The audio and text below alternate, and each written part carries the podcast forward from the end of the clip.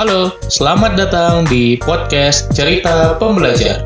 Kamu akan mendengarkan cerita mengenai pengalaman, gagasan, dan pembelajaran.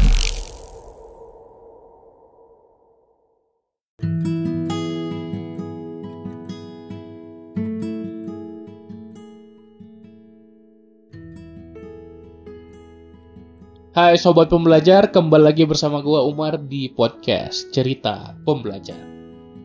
Di episode kali ini gue pengen sharing tentang suatu pemaknaan terkait kebiasaan yang gue sering banget sharing sebetulnya di Instagram gue terutama. Buat lo yang ikutin Instagram gue pasti tahu banget gue banyak bahas tentang habit produktif, tentang bagaimana kita membentuk kebiasaan, kebiasaan apa saja yang sering kita bentuk, dan hal apa yang perlu kita perhatikan ketika hendak membentuk kebiasaan baik atau mengubah kebiasaan dari kebiasaan buruk menjadi kebiasaan baik atau simply menghilangkan kebiasaan buruk kita. Nah, ada suatu quotes dari John Dryden yaitu we first make our habits then our habit makes us. Pertama kita yang membentuk kebiasaan nantilah kebiasaan yang membentuk diri kita. Pertama kita yang membentuk kebiasaan kita, nanti kebiasaan kita yang membentuk diri kita. Jadi manfaat dari habit itu pasti bukan short term, bukan jangka pendek, tapi long term, jangka panjang. Jadi buat lo yang sampai sekarang masih kesulitan untuk membentuk habit, gue cuma bisa urusan tetap semangat. Kalau misalnya track lo udah bener, tetap lanjutkan itu, semangat untuk terus menjalannya dan terus melakukan itu supaya akhirnya menjadi kebiasaan. Itu kalau track lo udah bener. Tapi kalau track lo belum bener, ya lo harus perbaiki dari sekarang. Dari mana gue tahu track gue udah bener atau enggak? Setelah gue co lo coba, misalnya habit harian ya. Setelah lo coba habit harian selama satu minggu atau dua minggu, kalau lo merasa sudah semakin terbentuk kebiasaan, berarti itu biasanya track lo benar. Tapi kalau lo gagal mulu, itu berarti track lo salah. Biasanya begitu. Nah, coba lo cari tahu bagaimana cara develop habit yang benar dengan mempelajari habit loop, ada trigger routine reward, ada juga dengan berbagai habit hacks yang bisa lo terapin. Dan gue udah sering banget bahas itu di Instagram gue sebagai guidance ya, sebagai tips-tips buat lo, baik itu secara umum, bagaimana kita membentuk habit, ataupun habit-habit spesifik, habit-habit khusus. Habit-habit khusus ini gue bahas di segmen bedah habit, dan ini adalah habit-habit yang sering kita mau terapkan di kehidupan kita sih. Misalnya habit untuk belajar hal baru, habit untuk baca buku, habit untuk olahraga, habit untuk bangun pagi, habit rekap cash flow, habit journaling, dan banyak banget. Nah kalau lo punya saran boleh langsung DM gue aja. Bang Mar, gue pengen bentuk habit nih, bahas dong di segmen bedah habit. Nah silakan, gue bakal bikinin. Jadi poinnya, ketika kita sedang berusaha membentuk kebiasaan, sebenarnya itu kita sedang berusaha membentuk diri kita. Karena apa yang kita bentuk itu adalah perilaku atau bagaimana kita berpikir atau bagaimana kita merasakan sesuatu. Ingat, kebiasaan itu bukan hanya hal-hal yang sifatnya fisik atau motorik gitu ya. Ada juga yang sifat-sifatnya kognitif. Contoh, kebiasaan buruk yang sekarang lagi populer apa? Negative thinking atau overthinking? Apakah ini kita melakukan sesuatu? Hmm, mungkin gitu ya, tapi kurang tepat. Kita berpikir sesuatu. Atau mungkin kita merasakan sesuatu. Jadi, habit itu tipenya tentu macam-macam, banyak banget tipenya. Nah, ketika kita mencoba mengubah behavior kita, thinking kita, feeling kita, lama-kelamaan itu akan mengubah diri kita juga. Itulah kenapa membentuk habit adalah core banget, fondasional banget buat self development, buat mengembangkan diri.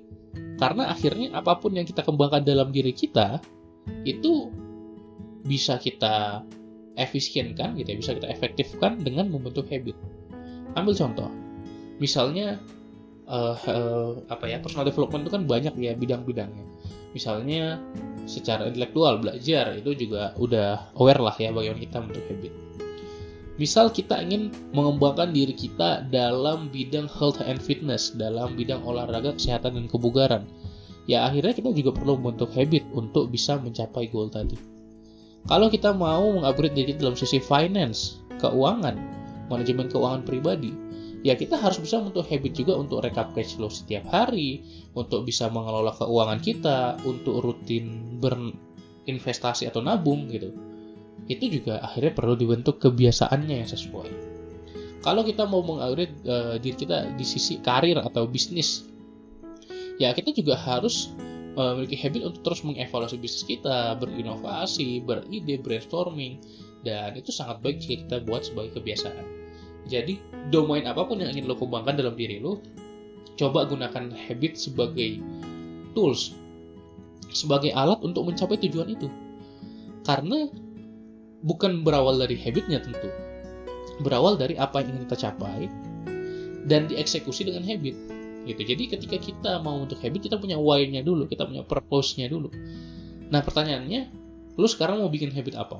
Contoh, bang, gue pengen bikin habit baca buku sering rutin gitu. Kenapa? Itu yang pertama kali gue tanyakan. Kenapa lo mau seperti itu? Why-nya itu harus jelas gitu ya. Golden circle-nya Simon Sinek selalu menceritakan why how what. Mulai dari purpose dulu baru kita how dan what-nya. Kalau udah dapat why-nya bang gue karena mau ini ini ini gue jabanin semua how-nya gue kasih tahu what-nya gue kasih tahu teknik baca buku seperti apa speed reading seperti apa bagaimana best practice bentuk habit baca itu bisa gue kasih tahu. Karena sayang aja kalau gue kasih tahu tips-tips trik segala macam hacksnya seperti apa tapi lu nggak tahu persis why lu itu apa. Kenapa?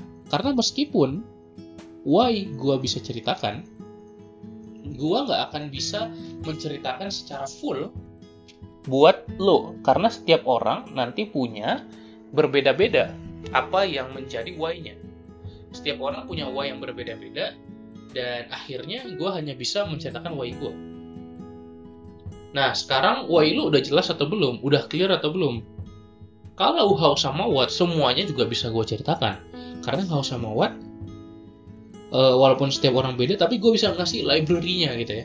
Set of house set of what's-nya itu gue bisa kasih semua nanti lo bisa tinggal pilih. Tapi apakah ketika gue kasih triknya itu lo implementasikan? Apakah itu hanya sebagai knowledge aja atau bisa lo pakai sebagai skill? Jadi poinnya adalah ilmu itu belum lo miliki sampai lo mengimplementasikannya sampai lo menggunakannya maka ketika kita udah punya why atau purpose yang kuat, kita mau how-nya seperti apa pun, metodenya seperti apa pun, kita akan menjalankannya. So, poinnya adalah bukan masalah kemampuan untuk melakukan sesuatu, tapi maksudnya kemauan untuk melakukan sesuatu. Lo mampu atau enggak bukan menjadi perkara lagi, tapi lo mau atau enggak itu yang menjadi perkara utama. Maka kalau lo pengen bentuk habit apa pun, coba mulai dari why-nya dulu. Apakah lo bener-bener siap untuk membentuk habit itu?